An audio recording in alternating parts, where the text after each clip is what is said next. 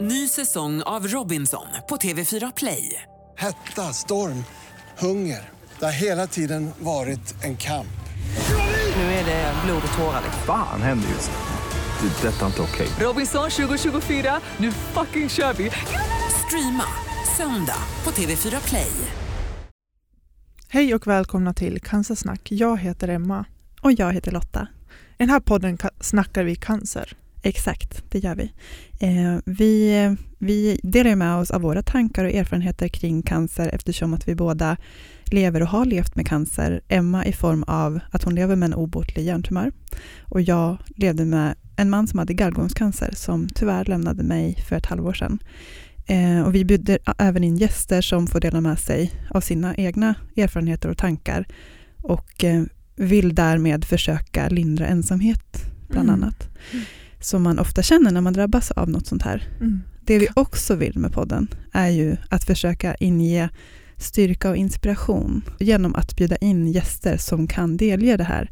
Och det är ju ett bra exempel på det idag med dagens gäst, tänker jag. Idag har vi bjudit in en otroligt inspirerande och beundransvärd och smart kvinna måste jag få säga. Mona Esmail Sade. Hon är ju också känd som Dr. Mona och syns ofta i TV4 Nyhetsmorgon. Exakt. Hon är en av Sveriges mest framstående hjärnforskare och har även jobbat i tio år med genetik. Ja, men alltså hon gör ju populärvetenskap begriplig, måste jag säga. För hon har ju ett otroligt pedagogiskt sätt att förmedla den viktiga och stora kunskapsbas som hon faktiskt besitter. Otroligt viktigt att, att få ut det här till oss vanliga som kanske inte jobbar med det här eller är inlästa och experter på det. Att sprida den här kunskapen, otroligt viktigt. Verkligen. Så att eh, vi och ju man s- förstår ju verkligen. Ja, verkligen. Vi har sett henne i en massa olika sammanhang. Eh, på TV4 Nyhetsmorgon bland annat, där hon ofta medverkar och berättar om, Mm. om det här som hon idag ska berätta om. Eh, så vi är otroligt glada att ha henne här. Ehm, vi rullar igång, ja, tycker jag. vi gör det.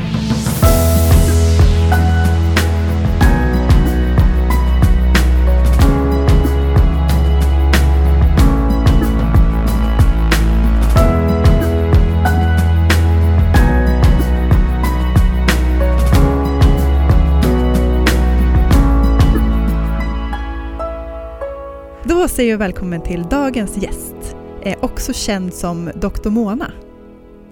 Ja, välkommen hit Mona Esmail Sade. Tack så mycket. Tack. Så kul att ha dig här. Eh, Vi har gjort en liten kort beskrivning av dig precis innan. Men om du själv också vill bara kort beskriva med dina egna ord Mm. vem du är.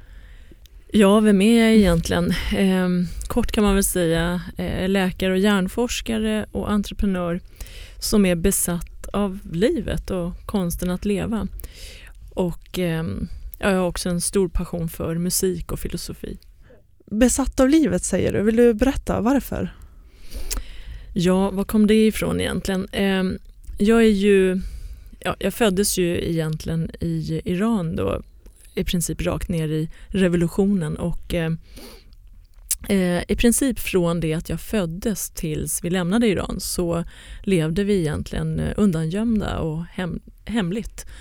Och eh, därför att mina föräldrar var eh, på svarta listan kan man säga eh, på grund av deras politiska engagemang.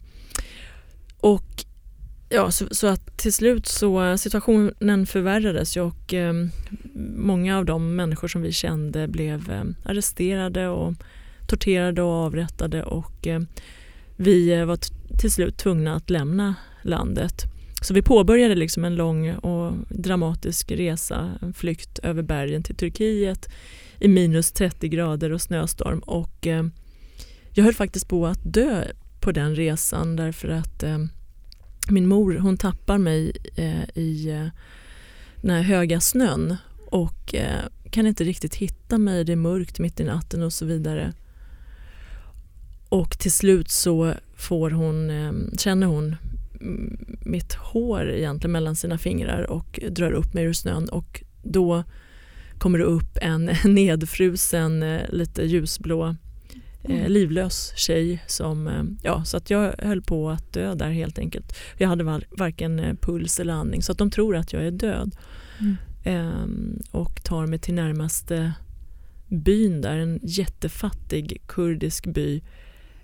Men där människorna är väldigt vänliga och hjälper och tinar upp mig så att säga, lägger mig i en balja med kallt vatten Mm. och jag kommer till liv. Och att vara omringad av döden på det här sättet ehm, det, det gjorde mig besatt av livet helt enkelt. Ehm, och Mm. konsten att leva. Och det slutade inte där utan jag har sen utvecklat allt mer också intresse för filosofiska frågor som till exempel vad är meningen med livet Mm. och vad innebär det ens att vara människa Mm. och så vidare.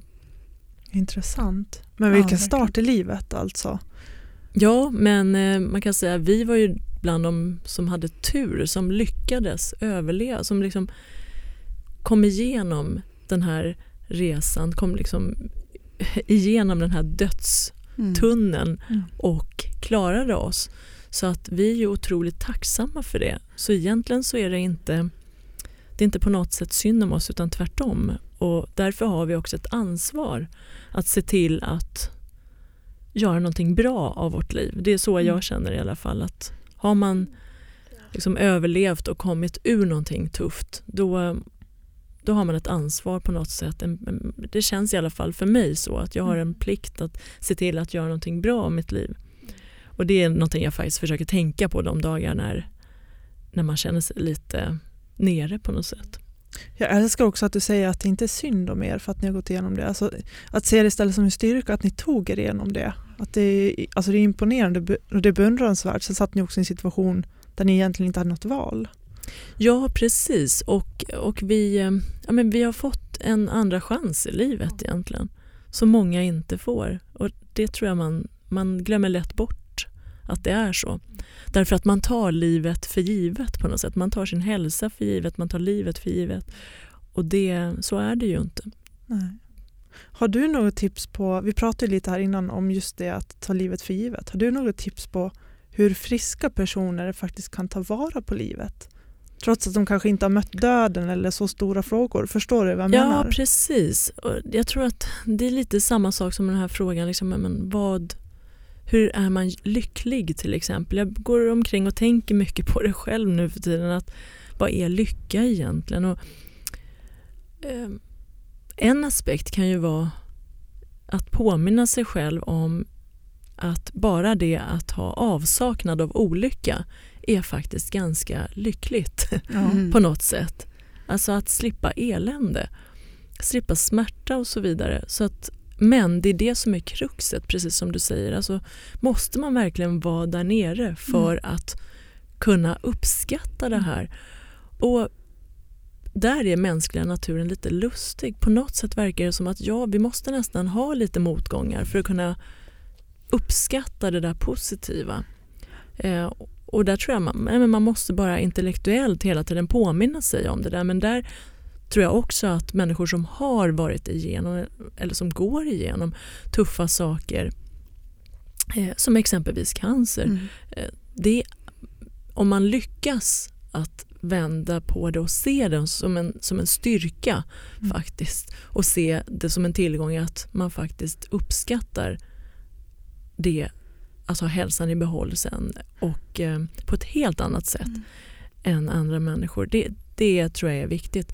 Sen är det ju i, och för sig det är lätt att säga det när man själv inte är i den svackan precis då. Mm. Eh, så att skulle du frågat mig när jag själv sitter lite halvmelankolisk och, och, och deppar av, på grund av någon motgång så kommer jag säkert att ge ett lite mörkare svar på något sätt. Men det gäller att så fort man får den här lite, när man ändå kan lyfta Mm. tanken lite Mm. så är det bra om man lyckas faktiskt tänka på det. Att eh, se det som en styrka och ta vara på Mm. det. Göra någonting positivt av det istället. Bra svar tycker jag. Ja, Vi sa ju också i förra avsnitt att, avsnittet att kris är utveckling. Och jag tänker det också med, med dina erfarenheter att det också har fått dig troligtvis att utvecklas väldigt mycket. Ja, och lustigt nog, alltså, återigen det här med vad märkliga vi är som människor. Att eh, trots att man har varit med om och nästan dö och så överleva och komma ur en, en tuff situation så är det ändå inte för nu i ganska mogen ålder mm. som jag bara här om veckan faktiskt tog det här till mig ordentligt. Eh, och nu använder jag av det hela tiden nästan. Så fort jag känner en motgång så tänker jag på det här citatet. You either win or you learn. You never lose. Och den tycker jag är så bra. Mm. Mm.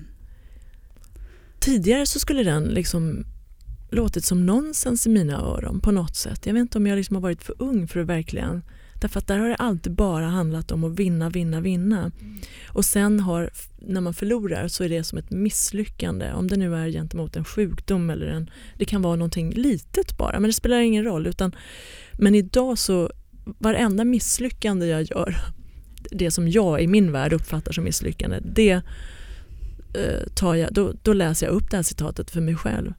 Mm. Att okej, okay, så idag så vann jag inte, men jag lärde mig något. Ja, men livet har ju sidospår och alla kommer vi ju gå igenom misslyckanden. Och jag tror att det går ju inte att tänka så att vi inte vill hamna där, för att alla kommer vi göra det och det kommer ju att hjälpa oss på vägen. Så är det. Och som vi pratade om förra, förra avsnittet, att, att i en kris så kommer en utveckling. Och det känner ju vi också igen oss i jättemycket i det när du säger, eh, när du berättar om det här. Men har du någon erfarenhet av cancer?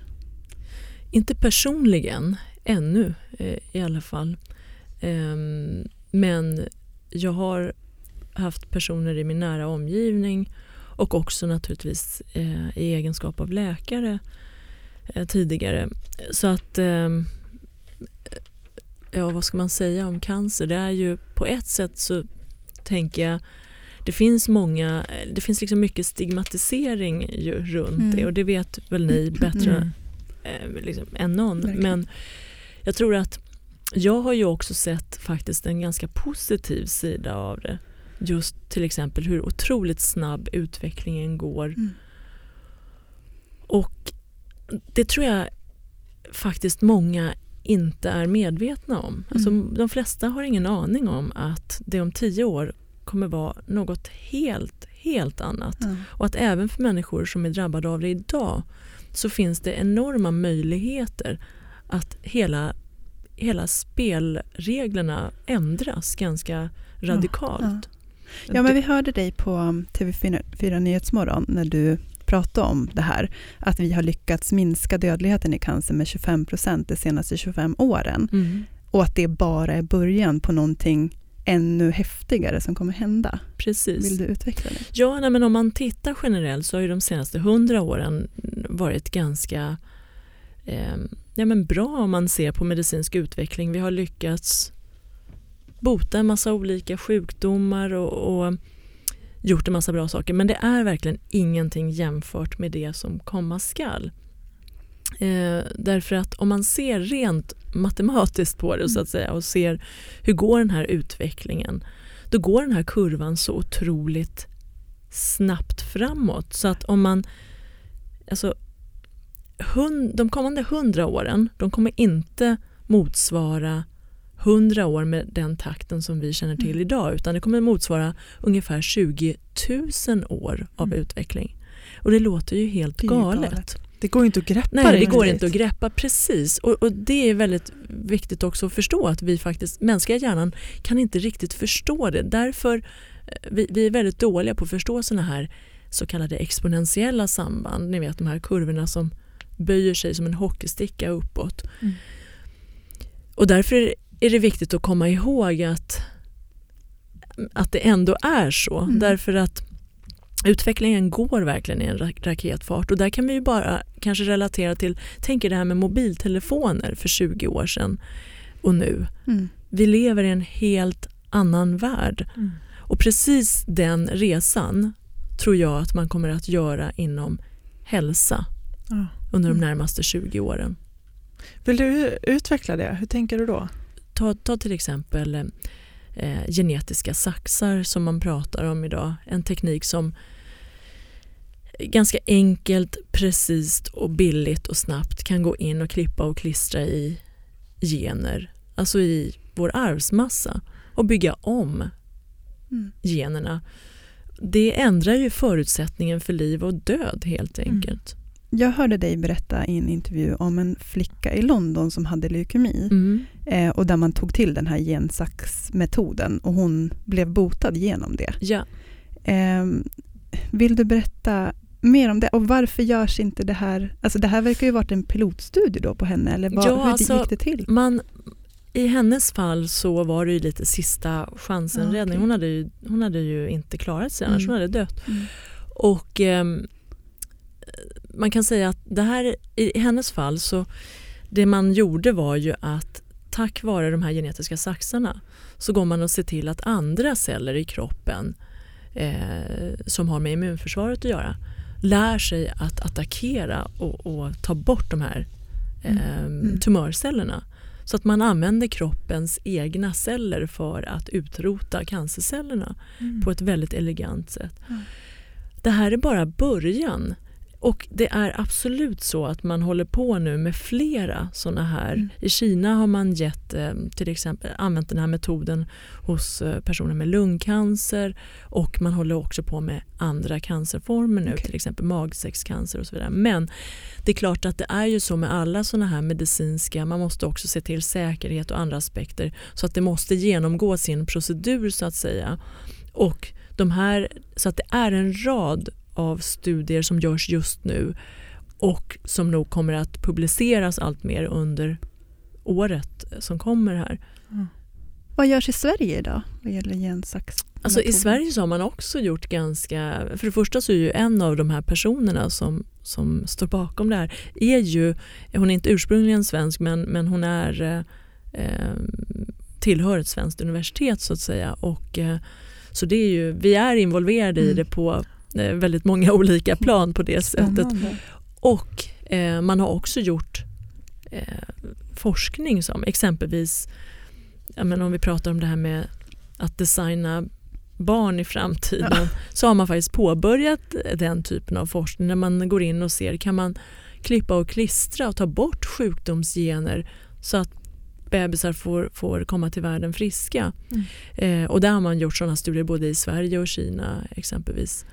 Men nu finns det ju ganska strikta etiska regler kring att man får inte låta det här fostret bli mer än två veckor exempelvis och så vidare. Så Okej. det finns väldigt många, det finns både tekniska eh, svårigheter fortfarande men framförallt etiska frågor här som man ju måste ta hand om. Och det, det är faktiskt också viktigt att börja diskutera de här frågorna. Mm. För att alla förstår ju att det är superbra om vi kan klippa bort sjukdomsgener. Men ehm, frågan blir liksom vad ska man få och inte få manipulera? Ja. Men vad, vad tror du då har hänt inom den här tekniken om, om vi säger 20-30 år? 20-30 år, Ja. då tror jag att vi kommer att skratta åt det att vi överhuvudtaget blev sjuka på det här sättet. Mm. Redan kommer, då?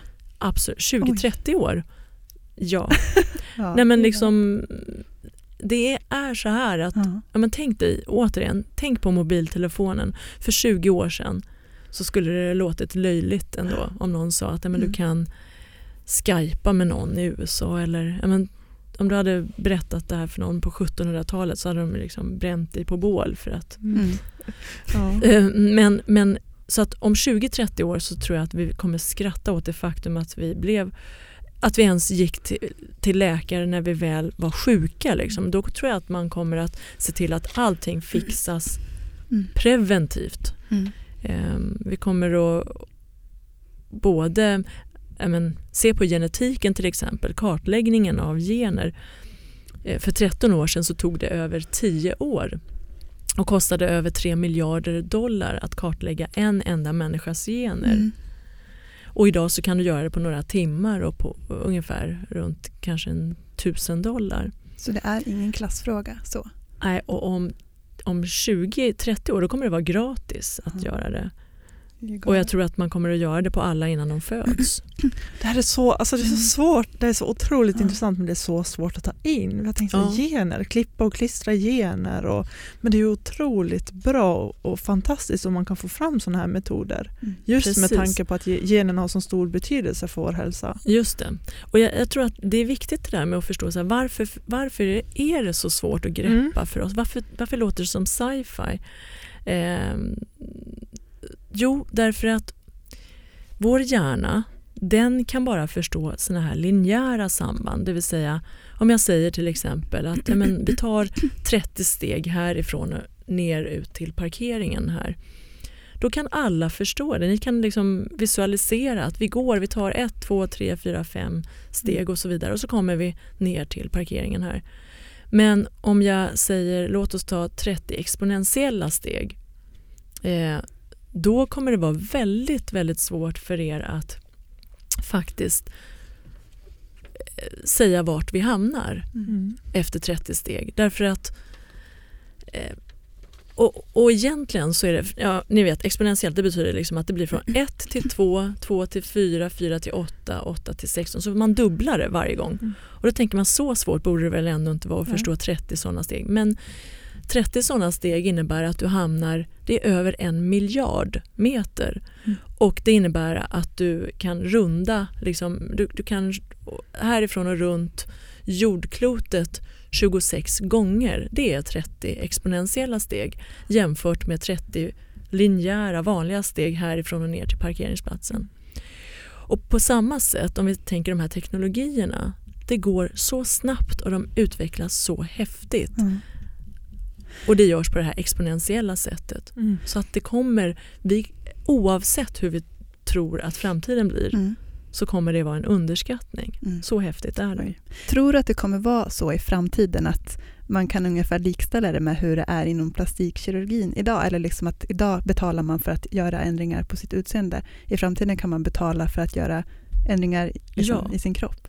Det tror jag, med en viss skillnad. Ja. Och det är att de här teknologierna vi pratar om, de är fortfarande nå- alltså lite dyra idag. Va? Mm. Eh, att kolla BRCA-gener kostar i alla fall en 20-30 tusen Mm. faktiskt.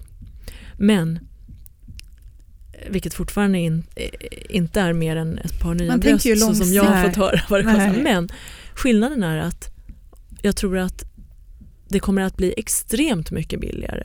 Så att jag tror att det kommer vara i princip Ja. gratis att göra det om, Mm. om vi nu pratar 20 år Ja. eller 10 år.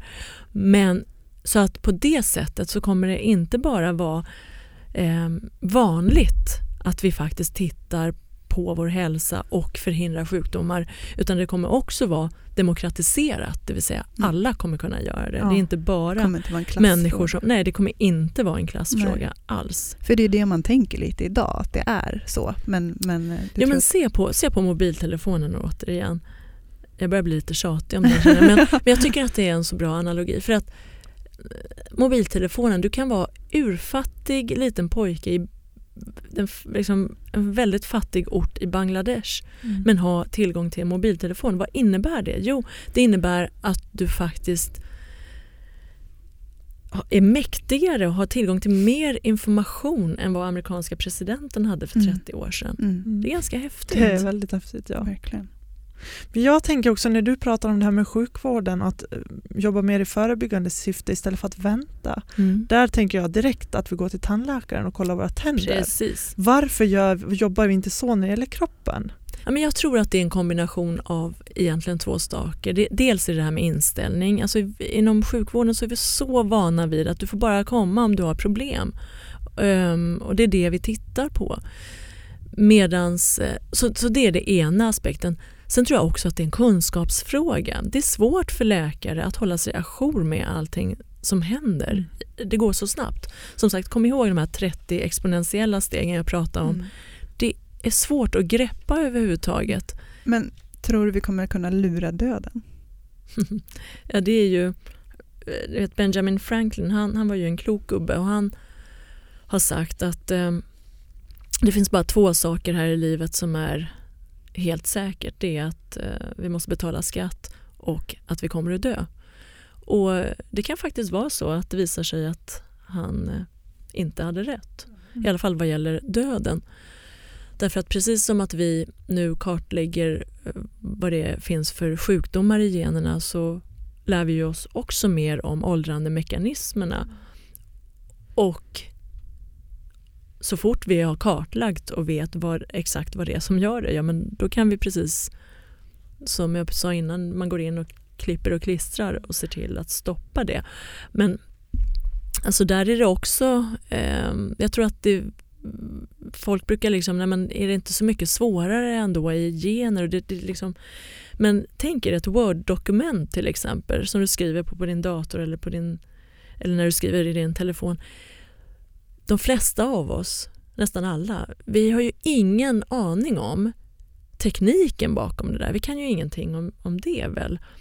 Men vi vet alla hur vi faktiskt skriver och klipper och klistrar. Ta bort felstavningar till exempel. Du kan till och med, det finns en funktion där du går och trycker så att du kan söka, göra, mm, söka efter stavfel va? Och hitta och ersätta. Precis så kommer man kunna göra i våra gener och hitta stavfel i det här systemet som till exempel cancer, klippa och klistra. Eh, så att, ja, så att jag tror att eventuellt kommer vi kunna lura döden.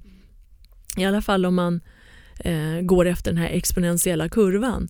Så om inte någonting väldigt märkligt skulle hända i världen som gör att den här snabba utvecklingen bara av någon mystisk anledning dör ut eller stannar upp så tror jag att vi någon gång kommer komma dit. Eh, men jag tycker att den viktigaste aspekten är egentligen hur vi lever medan vi lever. Så jag tror att självaste tidsaspekten, åldersaspekten av den är mycket mindre intressant. Utan det handlar om att leva medan mm. man lever. Ja.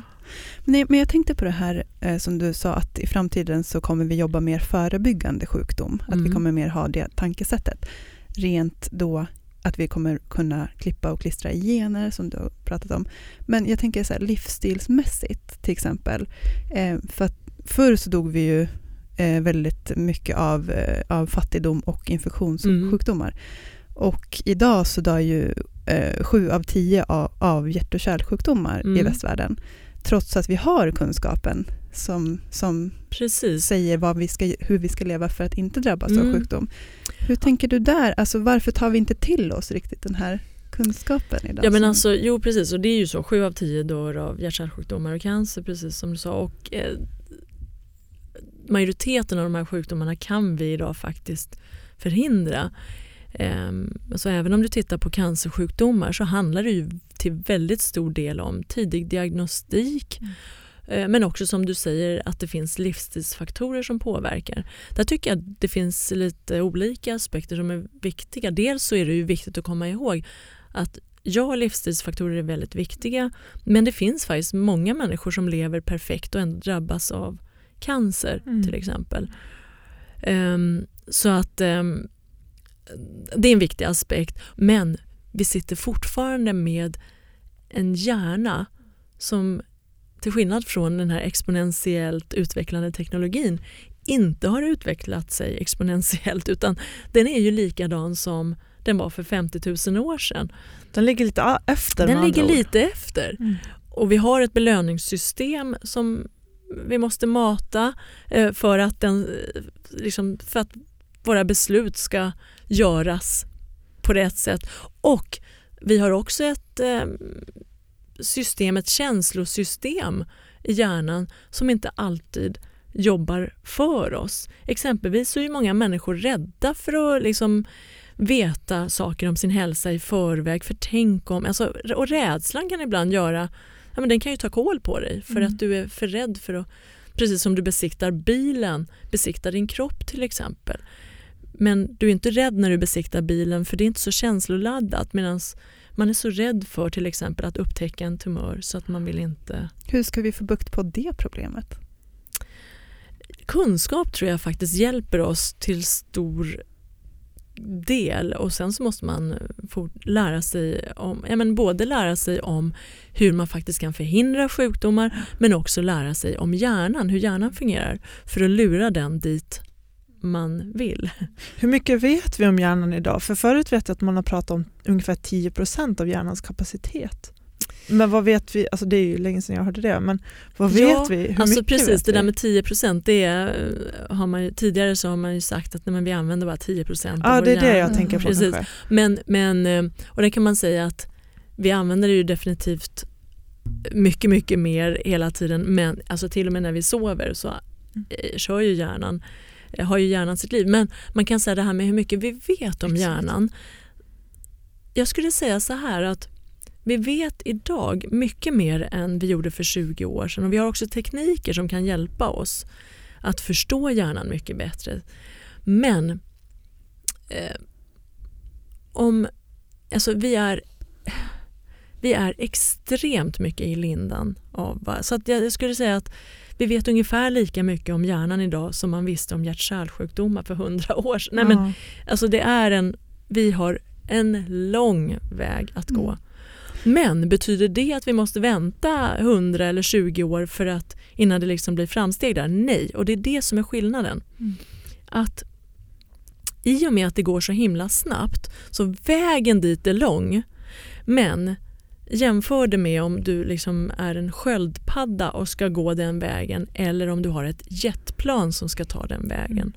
Det är skillnaden Mm. mot hur det har gått när det gäller att förstå hjärt-kärlsjukdomar och hur vi nu kommer att förstå hjärnan. Nu pratar man ju om eh, ett digitalt lager eller the neural lace som man till exempel eh, Teslas eh, eh, vd och Facebooks vd nu pratar om. De har ju hela grupper som sitter och jobbar på att försöka ta fram plattformar där, där mänskliga hjärnan och datorn ska kunna mötas. Mm. Där människa och maskin liksom ska giftas ihop. Mm. Och det låter ju galet men tänk er, vi går ju hela tiden omkring med den här mobiltelefonen i handen och eh, den hjälper oss på Mm. olika sätt hela tiden. Mm. Vi lägger ju inte ens ett telefonnummer på minnet längre. Vi googlar upp saker och så vidare. Men om tio år så kanske du istället, man pratar ju om att man vill operera in det här digitala lagret på hjärnbarken istället. Så att istället för att ha den här i handen så behöver du bara tänka. Just det, vad var adressen nu till det där Så jag ska till? Och så vet du det redan och det kanske du vet innan du ens har hunnit bli medveten om att du har googlat upp det. Så att, och det låter galet återigen men kom ihåg de där 30 Mm. exponentiella stegen. Precis. Och hjärnan är ju otroligt komplex Ja. där alltså.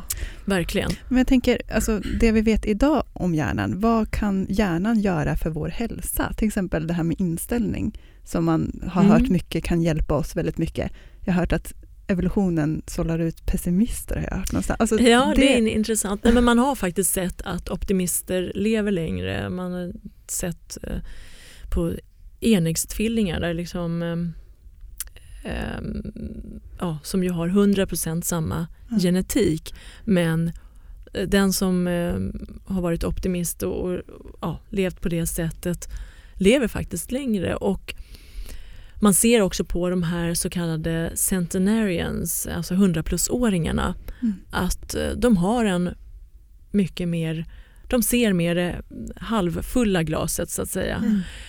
Och det handlar inte om att de har levt eh, lyckliga och glada liv rakt igenom, inte alls. Alltså många av de här har ju suttit på, eh, ni vet man ser sådana som har suttit i koncentrationsläger men Mm. lever väldigt länge. Mm. Ehm, och, ehm, och det är klart att där finns det ju både en genetisk aspekt eh, där vissa av oss är mer långlivade men det här med att vara optimist Mm. hjälper definitivt också.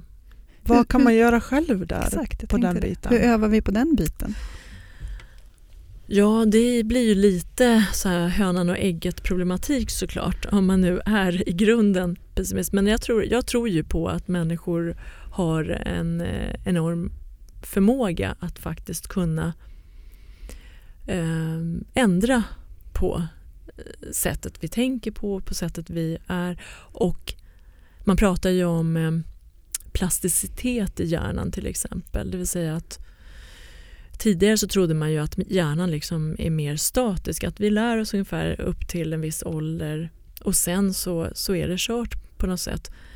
Ja, men ni vet, man kan inte lära en gammal hund sitta. Man är klar vid en viss Ja, punkt precis. i livet. Men det har ju visat sig att vi enda liksom, livet ut kan påverka hjärnan och modulera om den eh, med olika tricks. Så att det gäller att för det första bestämma sig tror jag för att man vill vara en optimist. Jag tänker typ att lycka Mm. är som en muskel. Att man kan säga det lite så. Att Ja. man kan träna sig till att vara lycklig eller att, försöka ha ett mer optimistiskt Ja, sätt. det var en väldigt intressant eh, analogi. För jag brukar ju, alltså hjärnan är ju absolut som en muskel. Ja. Det är ju liksom, Ja. det är ju, ja men du måste liksom hålla, dig, hålla igång det om den ska förtvina. Hjärnan, det är ju du. Ja. Du är ju hjärnan. Du måste lära dig Mm. bemästra Man den. måste bestämma sig. måste, och där är första steget att vilja det. Mm. Att vilja bli Ja. optimist. Och optimist, jag vet inte. Alltså jag, tycker inte, jag, jag är en optimist på det sättet att jag, eh, jag tror absolut på en bra framtid och jag tror att vi eh, kommer göra fantastiska saker de här teknologierna och så vidare. Men jag tror inte, alltså optimist innebär ju inte att man bara går omkring och, och liksom skrattar och ler hela tiden. Nej, Det är inte så nej. livet ser ut. Eh, Det är inte så det är att Nej. vara människa. Nej. Men vi måste vara ledaren återigen. Alltså, Mm. Du måste eh, föra hjärnan dit du vill. Ja. Nej, men det är som det här som vi pratade om innan, att det känns som att när man väl är nere där längst ner i botten, då samlar man på sig massa energi för att nå toppen och det gör man efter en sån här liksom, nedslag. Just det, det blir som ett liksom, nej men jävlar anamma. att Precis. nu, och de nu man behövs ge- ju också. Man kan ju inte bara vara där uppe på toppen hela tiden och vara en superoptimist och lycka. Nej. Det blir ju bara ett skådespel till slut. Ja, precis. Och där tycker jag också det är en väldigt intressant... Eh, jag går omkring och funderar också mycket på de här dagarna vad liksom skillnaden mellan att vara lyckad och vara lycklig. Mm. Den är väldigt stor. Det Två är inte- helt olika Det saker. är två tänker jag. helt olika saker. Mm. Och det är nästan så att det är större risk att vara olycklig om du är lyckad Mm. på något sätt, Mm. tänker jag. Därför att då, då förväntar du dig ju att ja, men man går omkring och känner att men om jag nu är så lyckad borde jag inte också vara lycklig. Ja. Så kravet på att vara lycklig ökar i takt med hur lyckad man är Precis. på något sätt. Ja, men det är också så att man har en föreställd bild i huvudet av hur livet ska bli och hur man vill att livet ska bli. Och när det väl blir så, så bara, men vart är min lycka? Vart kommer den? Kommer den inte snart? Alltså det har vi ju hört många Ja, gäster som vi har haft i podden också Mm. och vi har ju också upplevt det, att det är ju inte där lycka finns. Mm. Och även fast man lever med en sjukdom till exempel, som säkert många gör som lyssnar på oss, Mm. och som vi har gjort, så, så gäller det ju att försöka se det som man faktiskt har runt omkring. Och det, det är ju någonting som har kommit med, som vi har pratat om mycket, Emma, att vi ändå Alltså att det här som, hjärnan har en fantastisk förmåga att anpassa sig. Man tror inte att man, att man skulle klara av det som man har gjort Precis. på det sättet som man har gjort och ändå funnit så mycket lyckliga stunder och så mycket värme och kärlek och liksom fantastiska minnen i ja men allt. precis. Men det vet ju ni bättre än någon tror jag. Och jag, jag tror också att det på något sätt är viktigt att inte... Alltså folk klassificerar människor så himla mycket efter så märkliga ehm, märkliga grupper. Men till exempel det här med om man är sjuk eller Mm. inte. Det var som när du frågade mig, har du haft Nej, jag har ju inte haft cancer Nej. än men alltså Mm. egentligen om jag inte skulle se till att förhindra och så, alltså, vi drabbas ju allihopa förr eller senare av de här sjukdomarna. Mm. Så det är precis som, ja, men, har du någonsin varit eh, deprimerad eller nere? Eller, alltså det är en del av livet och istället för att dela upp oss i liksom vi och dem tänk Ja. eller så är det ju mycket, mm, det är synd att, att vi inte bara omfamnar att människor ska få vara människor Mm. och få vara den de är. Defini- alltså, sjukdomen ska inte få definiera dig. Jag tror att det är en extremt Mm. viktig sak. Mm. Alltså om, om sjukdom och de situationer man har varit igenom ska få definiera en, hela en som människa, Mm. då tror jag att man, då, skulle vi liksom inte, ja men, det skulle inte alls bli rätt. Nej. Tänker jag. Det vet jag också när jag har suttit och läst på om dig och tittat på klipp. Och, alltså det du pratar om det ger otroligt mycket hopp Mm. till oss som också lever med kronisk cancer tror jag. Att den kanske inte behöver vara kronisk. Nej, precis. Och även också om man har den i hjärnan, för hjärnan har varit Alltså när jag blev sjuk så var det väldigt så här, oj vad, vi vet inte om vi kan göra någonting. Och bara under de här fem sex åren som jag varit sjuk så är det otroligt stor skillnad. Då har man väldigt mycket mer kunskap. Mm. Och man har behandlingar och man kan gå in och göra saker. Precis, och jag tror att det är precis det jag faktiskt gärna vill förmedla. Att Mm. tidigare, fram till nu, så har vi lite grann varit en slags passiv produkt av evolutionen och av, jag menar, av allt det vi har kommit på och så vidare. Men härifrån Mm. och framåt så är vi med och färgar och skapar framtiden på ett helt, helt radikalt annorlunda sätt än vi tidigare har kunnat göra. Mm. Och då är det många som, eh, men ni vet, ska man, ska man gå in och pilla i evolutionen och så vidare. Mm. Och det gör vi redan. Vi har gjort det med till exempel glasögon. Jag vet inte om ni använder ni linser Ja, eller lite. glas? Någon, någon av, Ja. det är ju så här att skulle du levt för, om vi går tillbaka 50 000 år igen och säger att ja, men, alltså folk med sämre syn hade ju inte överlevt i djungeln för du hade missat den där ormen och så hade den, eller lejonet, så hade du blivit uppätet och så hade de generna, den genpoolen som ger en sämre syn, den hade försvunnit. Men tack vare att vi har gjort glasögon, det är ju en superpower egentligen, Mm. glasögon. Det, det är ju egentligen Mm. en artificiell Ja. grej som Mm. gör att du helt plötsligt får överleva och, och vara lika bra som alla oss andra som inte har dålig syn. Va? Så att vi är inne och manipulerar och, och tack vare det så får då de här liksom, generna, sämre syngenerna, de får överleva. Mm. Så att vi manipulerar redan Sådana metoder kommer. alltså- evolutionen men i framtiden kommer vi kunna göra extremt mycket mer. Ja. Men så då alltså om vi inte hade skapat eh, till exempel eh, glasögon eller linser, hade det dött, de generna dött ut då? Ja, många av de personer som vi har runt omkring oss Eller, med ja, glasögon, Ja, de hade kanske inte existerat. nej, Så är det, så hade det är klart vi går in och pillar i evolutionen hela tiden Precis. utan att veta om det, utan att Mm. tänka på det. Mm. Men återigen, det är för att vi är så vana vid det. Men vadå glasögon? Det är väl ingen grej? Mm. Nej, men det där digitala lagret på din hjärnbark om tio år kommer heller Mm, inte vara nej. någon grej. Precis. Den kommer vara lika naturlig som din smartphone Ja. är idag. Därför du, det är så bra att du är här och pratar med oss Mm. om det här. För, att, för, att, för att då tror jag också att det är lättare att förstå Mm. och ta till oss allt det här. Att faktiskt förstå att glasögon är, glasögon är också en del av det här. Ja, Och att vi men- redan gör det. precis. Och- men och- hur? Och lika, och lika mycket som vi tar det för givet idag kommer som sagt urhäftiga. Det, skillnaden är bara att, att eh, om vi ser härifrån och tio år framåt Mm.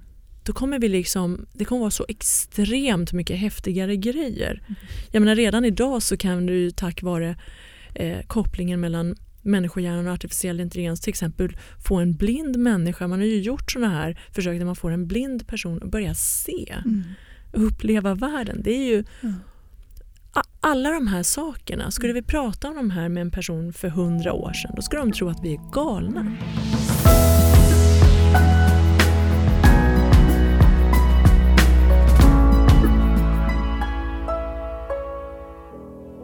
Jag har hört dig säga att du tycker att läkare ska ordinera socialisering Mm. eh, och, och det här med ensamhet Ja. och hur viktigt det är för oss. Och det, är, det tycker jag är en intressant aspekt för att på tal om det här med livsstilsfaktorer. Alla vet att det är viktigt att äta rätt och träna och röra på sig och så vidare. Men ehm, och går du till en doktor så frågar de ju om du röker och hur mycket du dricker och så vidare. Men det är nästan ingen som frågar hur ditt sociala liv ser ut. Mm. Mer än att de kanske bara ska fylla i om du är ja, sambo eller gift eller och så vidare. Vilket är helt löjligt därför att att ha ett socialt fattigt liv det är lika hälsofarligt som att röka. Och det här har man sett i jättestora forskningsstudier. Så att ehm, det här med att ja, men familj och vänner det är faktiskt en av de viktigaste faktorerna Mm. för dig livsstilsmässigt. Och vi har ju blivit så vana vid, jag menar, man skaffar sin lägenhet, man bor själv, man... Jag, jag vet inte, det, jag vet inte hur pass naturligt, om vi nu ska prata naturligt, Ja. så eh, hur naturligt är det då? Att vi ska Ja. gå omkring och vara ensam, vi är ju flockdjur Ja. liksom.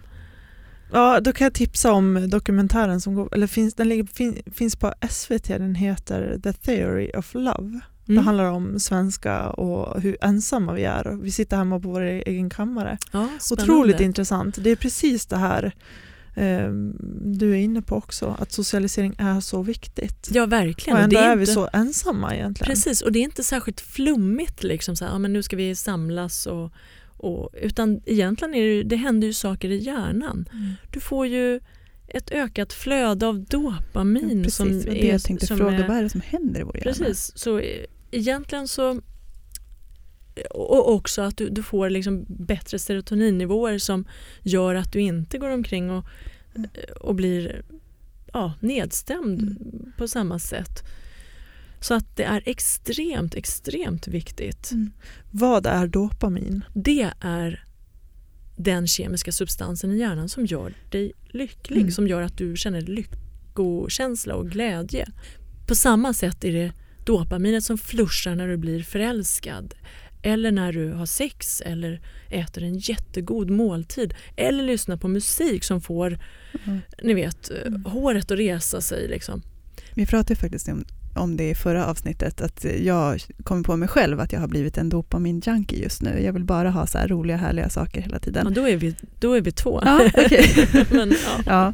Ja, eh, men att man måste ändra de här eh, sakerna man gör hela tiden och ändra substans och ändra, öka och liksom. Ja, alltså nyhetsvärde är ju, det ökar ju också dopaminet i. Men, men egentligen handlar det om, jag tror att mening, alltså Ja. saker som är meningsfulla, som berör. Mm. Det tror jag är viktigt faktiskt. Därför att, eh, hur ska man säga alltså för att man kan göra, du kan också, jag älskar att festa till exempel. Mm. Det är ju också dopaminflush. Ja. Men du vill egentligen, om du bara skulle göra saker som ger lite kortsiktiga dopaminflusher så blir det ju nästan som bara en drog som du måste underhålla det. Men du måste liksom på något sätt navigera och hitta mening i Mm. det där. Mm. Eh, se till att, liksom, att det känns meningsfullt, att, att det betyder något, att det berör på något sätt så... för att det ska vara mer varaktigt. Ja. Ja, men det, är så, eller det är så härligt att höra dig prata om det här för att jag tror att så här, man förknippar till exempel att träna Mm. vet man ju eh, är liksom det bästa pillret mot depression till Mm. exempel. Att det liksom har en otrolig förmåga på vårt psyke för att det blir en sån här endorfinflash av det. Det. Eh, men att det även finns andra delar. Det behöver liksom inte bara vara en fysisk trän- träning. Nej, liksom. precis. Och, och där tror jag också att nu, som sagt, det är ju bra, väldigt viktigt att röra på sig och så vidare. Men jag skulle säga minst, minst lika viktig, de här sociala bitarna. Eller, och, och där återigen, på tal om dopamin, så handlar det ju om att oavsett vad du gör så måste det vara någonting som din hjärna tycker är otroligt kul Ja. Mm. för att det ska hålla i längden. Så att det, liksom, det lönar sig inte. Om jag hatar att springa Ja, så är det precis. ändå inte det jag ska göra kanske. Nej. För att um, det finns andra saker. Jag Mm. kanske ska dansa som Exakt. jag tycker är kul.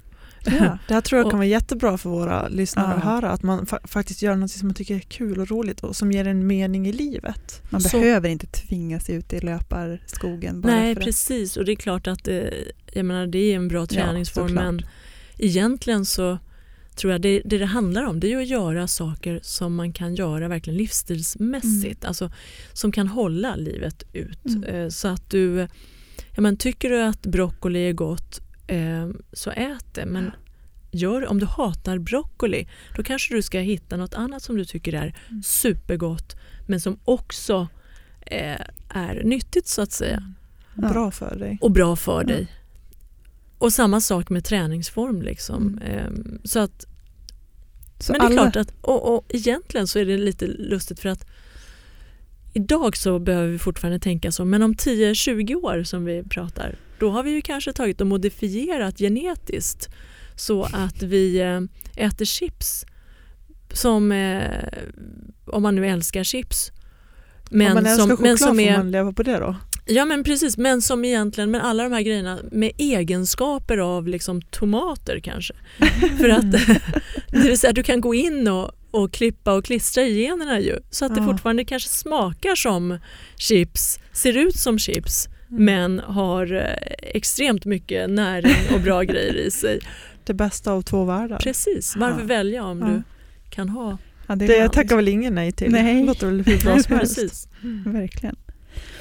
Men tycker du att, eh, alltså, skulle det vara en, en bra ordination, dopaminflasher, liksom, att man går igenom den biten som läkare? Ja, det tror jag. Ehm, en eh, strategi för hur man ser till att hålla dopaminflödet bra. Mm. Och Det innebär liksom att ehm, ja, men, det handlar ju inte bara om att få dopaminkickar men att se till liksom helheten. Att, ja, men, så att du Ja. ska, det ska inte vara så att du får sådana kickar så att du hela tiden går omkring och får abstinens efteråt. eh, utan att du faktiskt på ett, återigen precis som vi nu pratar om det här med livsstil, ja, men det måste vara någonting man kan göra långsiktigt. Och så måste det också vara med hur man beter sig dopaminmässigt i hjärnan. Ja. Men extremt viktig aspekt Och sex är viktigt. Ja, men sex är bra för att, och det är inte självaste, alltså, man rör på kroppen, Mm. man har närhet Mm. som är väldigt viktig och eh, beröring. Jag tror att, alltså, så att sex och beröring framförallt, för beröring då kommer vi in på ett annat ämne, oxytocin, Mm. som också är jätteviktigt. Eh, Man kallar det för liksom Ja, myspyshormonet. just alltså, som, eh, Visst är det det som, efter en förälskelse så är det först dopaminflash först och sen blir det... Ja, det går över. Det, oxytocinet måste ta över för att det liksom ska hålla i längden. Ja. Okej. Ehm, och, så att det gäller att liksom kramas och beröras. Ja. Och, ja, och, och det behöver man ju inte bara göra heller i en, en liksom personer man ska ha sex med. Det är väl bra att överhuvudtaget eh, liksom, Ja. eh, kramas Ja. och, och närhet överhuvudtaget. Jag tror att i Sverige är vi ju också, vi är inte så vana vid den här fysiska närheten. Eh, Men det vet man ju hur mycket bara en kram kan göra för en. Hur man kan liksom känna hur bra man mår av det. Ja, det, verkligen. Det är ju liksom så här självklart när man pratar om det. precis. Och för det finns ju också hur mycket studier som helst också som visar på att typ vid psykisk ohälsa eller depressioner att fysisk beröring och eh, kramar och sånt, närhet är väldigt Definitivt. bra. Definitivt. Att det lindrar. Och det är verkligen för att Mm. det sprakar liksom av kemikalier då i hjärnan som är bra för oss. Och, och där tror jag återigen tillbaka till det här med närhet och kärlek. Alltså Mm. att jag tror att när man har motgångar och svårigheter eller överhuvudtaget när man försöker att uppnå mål i livet och behöver kämpa för det. Va? Så är det extremt viktigt att hela tiden kunna fylla på med kärleksbränsle. Liksom. Mm. Eller så är det för mig i alla fall. Det är där jag får mitt driv, eh, där, där jag liksom får min ork för att fortsätta. Mm. Och det är ett annat citat också som jag gillar som Rocky, ni vet eh, ja, Rocky, Ja. boxaren Rocky. Ja. Han säger någonting i stil med att eh, det är inte hur starka slag du får eller du ger, det, det handlar inte om hur, hur hårt du slår utan hur eh, starka slag du får och ändå reser dig upp. Det är det Mm. det handlar om. Mm. Jag tror att det är liksom, och för att kunna resa sig upp och fortsätta så tror jag den här komponenten med att känna sig älskad Ja. och vara omringad av människor, bra personer, Mm. det är verkligen avgörande. Ja, vi hade en fråga där, som, för nu har vi pratat mycket om det här med att man väljer, en, liksom, man väljer att se andra saker när man är långt där nere.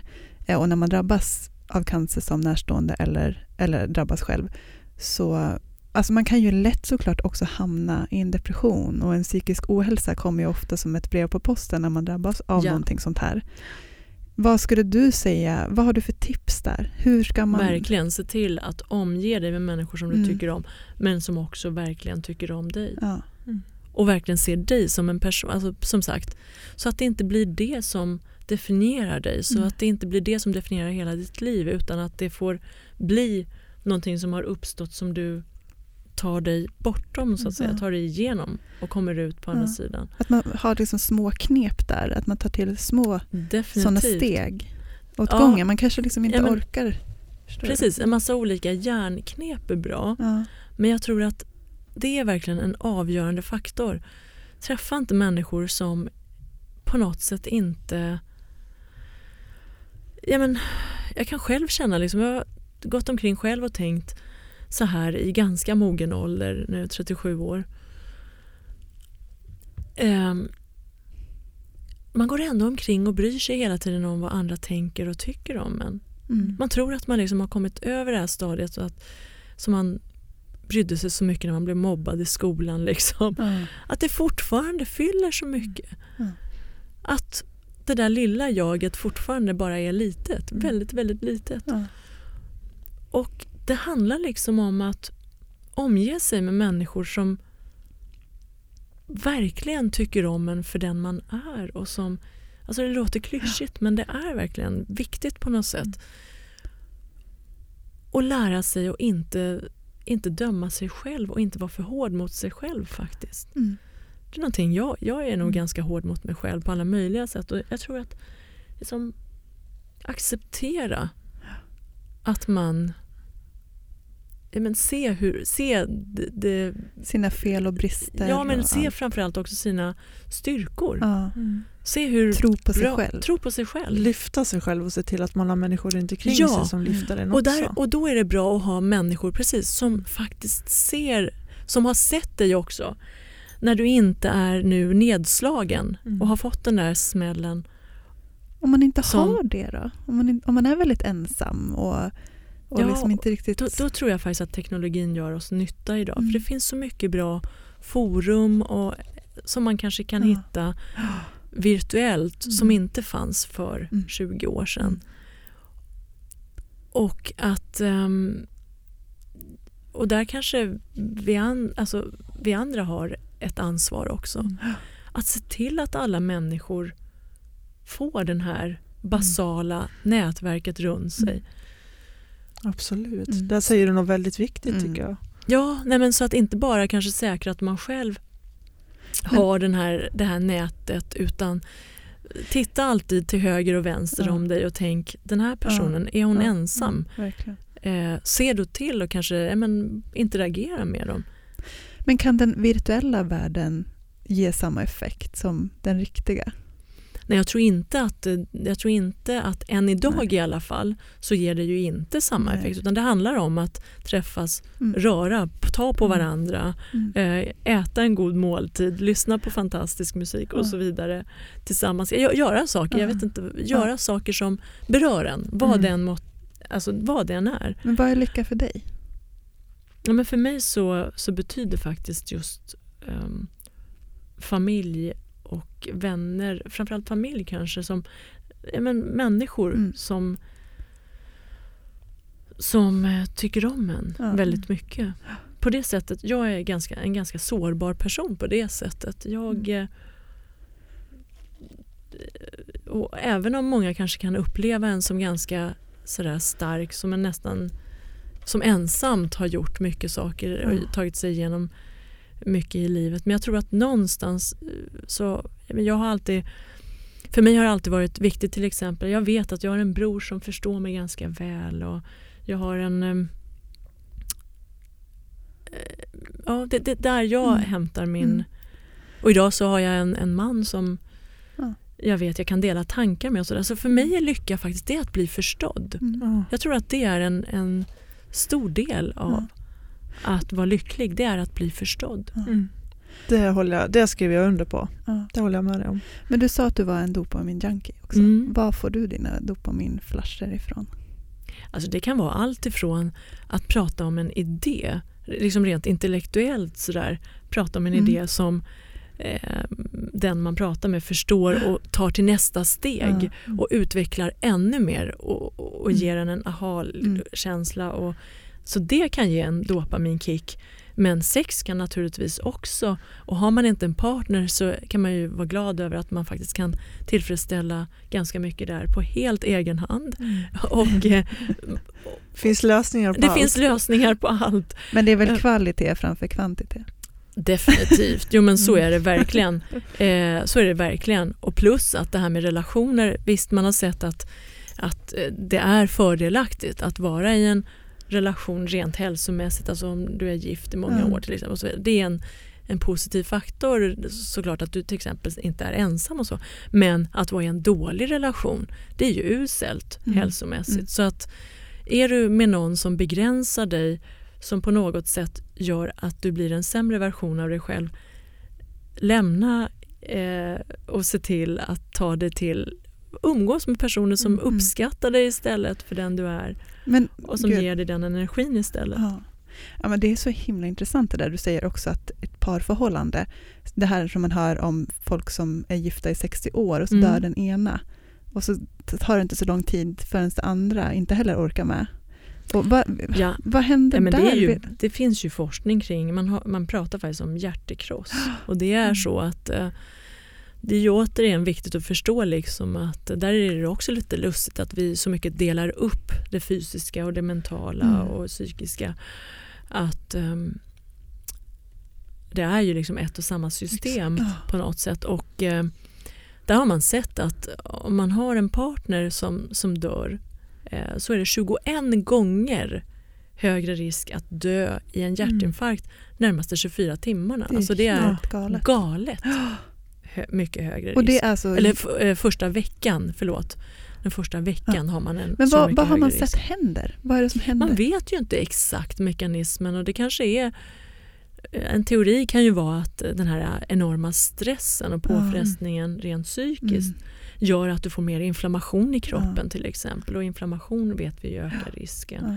för de här sjukdomarna. Men, så jag tror att eh, också därför, Mm. om vi nu tar det här med ja, men om en person dör eller någon blir sjuk i omgivningen, Mm. omfamna dem Ja. istället. Se till att göra roliga saker med dem. Inte liksom, och det jag menar med omfamna, det är inte bara att träffa och trösta. Nej. För det kanske inte är det de behöver. Se, Fråga vad de eh, behöver Mm. och gör det istället. Eller var kreativ och gör någonting roligt. Ge dem en dopaminkick. Ja, Mm. Överraska med något kul. verkligen. Så Ja. att, eh, ja, men det gäller ju, det är ju väldigt situationsberoende. I vissa fall Ja, är det liksom inte relevant. Men, Mm. men se vad du kan göra. Jag tror att återigen det handlar om ledarskap. Mm. Se vad du kan göra för andra. Mm. Det är liksom, eh, jag tror att idag är vi också så himla fokuserade. Alla ska hitta sig själva. Alla ska... Mm.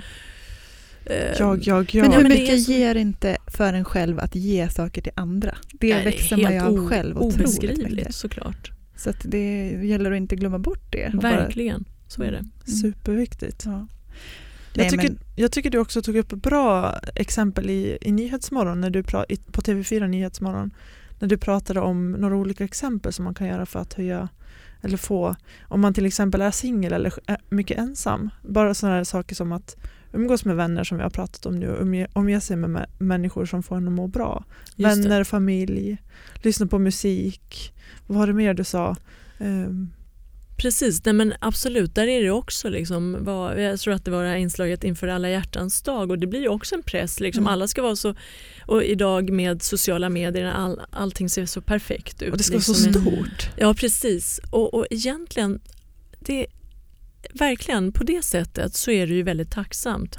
För det behöver inte kosta något och det Nej. behöver inte vara särskilt eh, svårt heller utan det är ju bara liksom hitta en människa, stirra in i ögonen Mm. på dem och ta dem i handen. ja. Sitt, le, prata, lyssna på musik och då ska det gärna vara musik som verkligen berör dig. Det måste vara någonting som du älskar, Ja. som just du verkligen går igång på. Mm. Så får du en enorm dopaminflush. Ja.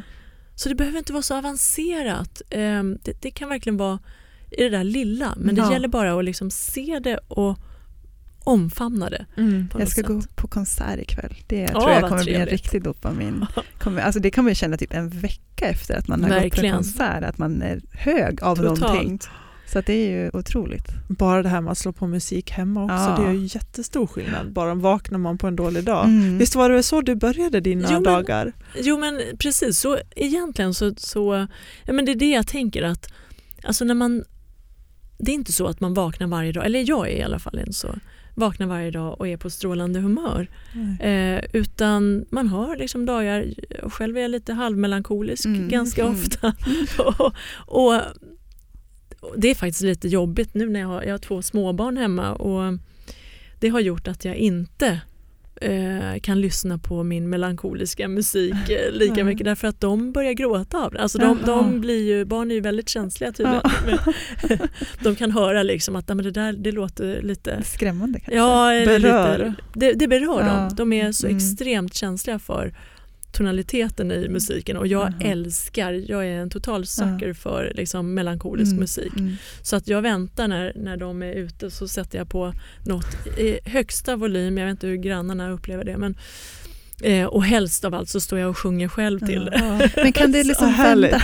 Kan det, om du vaknar upp och har, känner att usch, det är ingen bra dag idag, jag känner verkligen inte för den här dagen.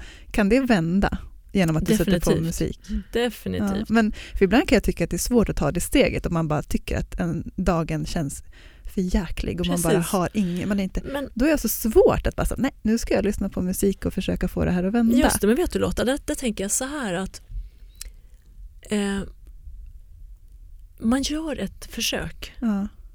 och vänder det inte så är inte det hela världen. Nej. Då är det Mm. viktigt att tänka att då är den här dagen så. Precis, för det är det som vi pratade Då- om förut, att ibland behöver man ju också dem. Ja, då så. accepterar Ja. man att eh, härligt, då har jag en melankolisk dag. Exakt. Det är här jag ska Det vara gör idag. att det är här Ja. jag ska vara idag. Precis. Det gör att jag faktiskt får en eh, liksom ännu större effekt Ja.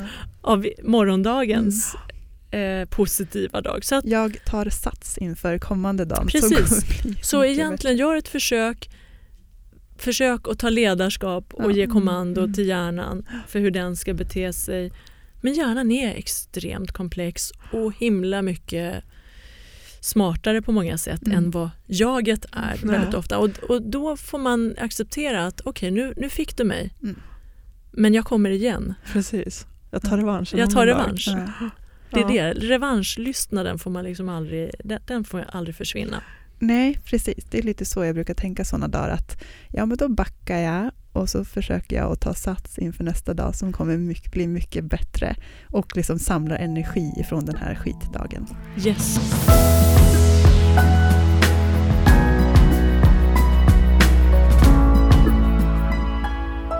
Men gud vilket, eh, vilket otroligt intressant avsnitt det blev Emma.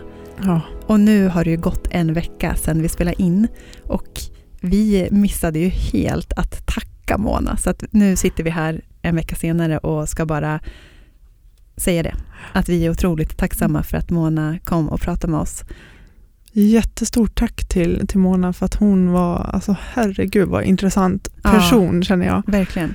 Det blev så himla stressigt i slutet för att vi hade så mycket att prata om och klockan Mm. bara sprang iväg och så helt plötsligt så, så sa hon att men gud vi måste typ sluta nu för att jag ska iväg och ha ett föredrag om en halvtimme.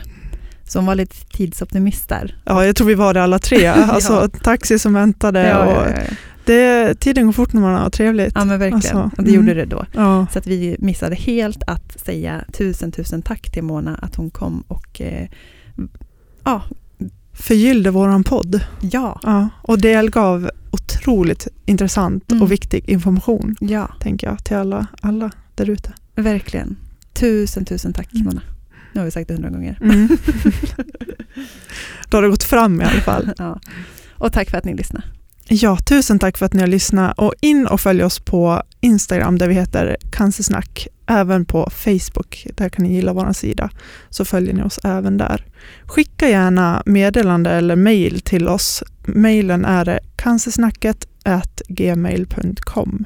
kan ni skicka in antingen om ni har någon fråga till oss eller något ämne ni vill att vi ska ta upp så Mm. gör vi gärna det i podden. Eller om du har någon personlig problematik som ni vill att vi ska diskutera i podden så gör vi jättegärna det. Exakt. Så in, hör av er jättegärna och tusen tack till alla er som har lyssnat. Ja. Det gör oss otroligt glada och varma i hjärtat. Ja, och vårt samarbete med War on Cancer fortsätter.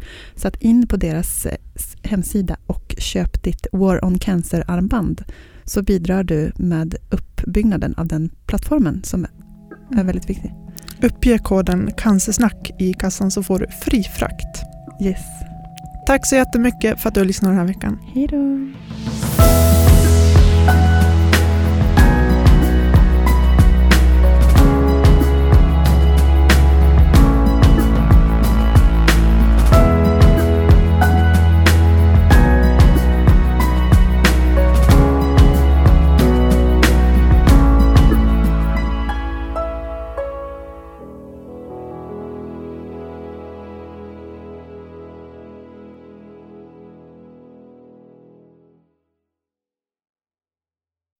Ny säsong av Robinson på TV4 Play. Hetta, storm, hunger. Det har hela tiden varit en kamp. Nu är det blod och tårar. Fan händer just nu. Det. är Detta är inte okej. Robinson 2024, nu fucking kör vi! Streama söndag på TV4 Play.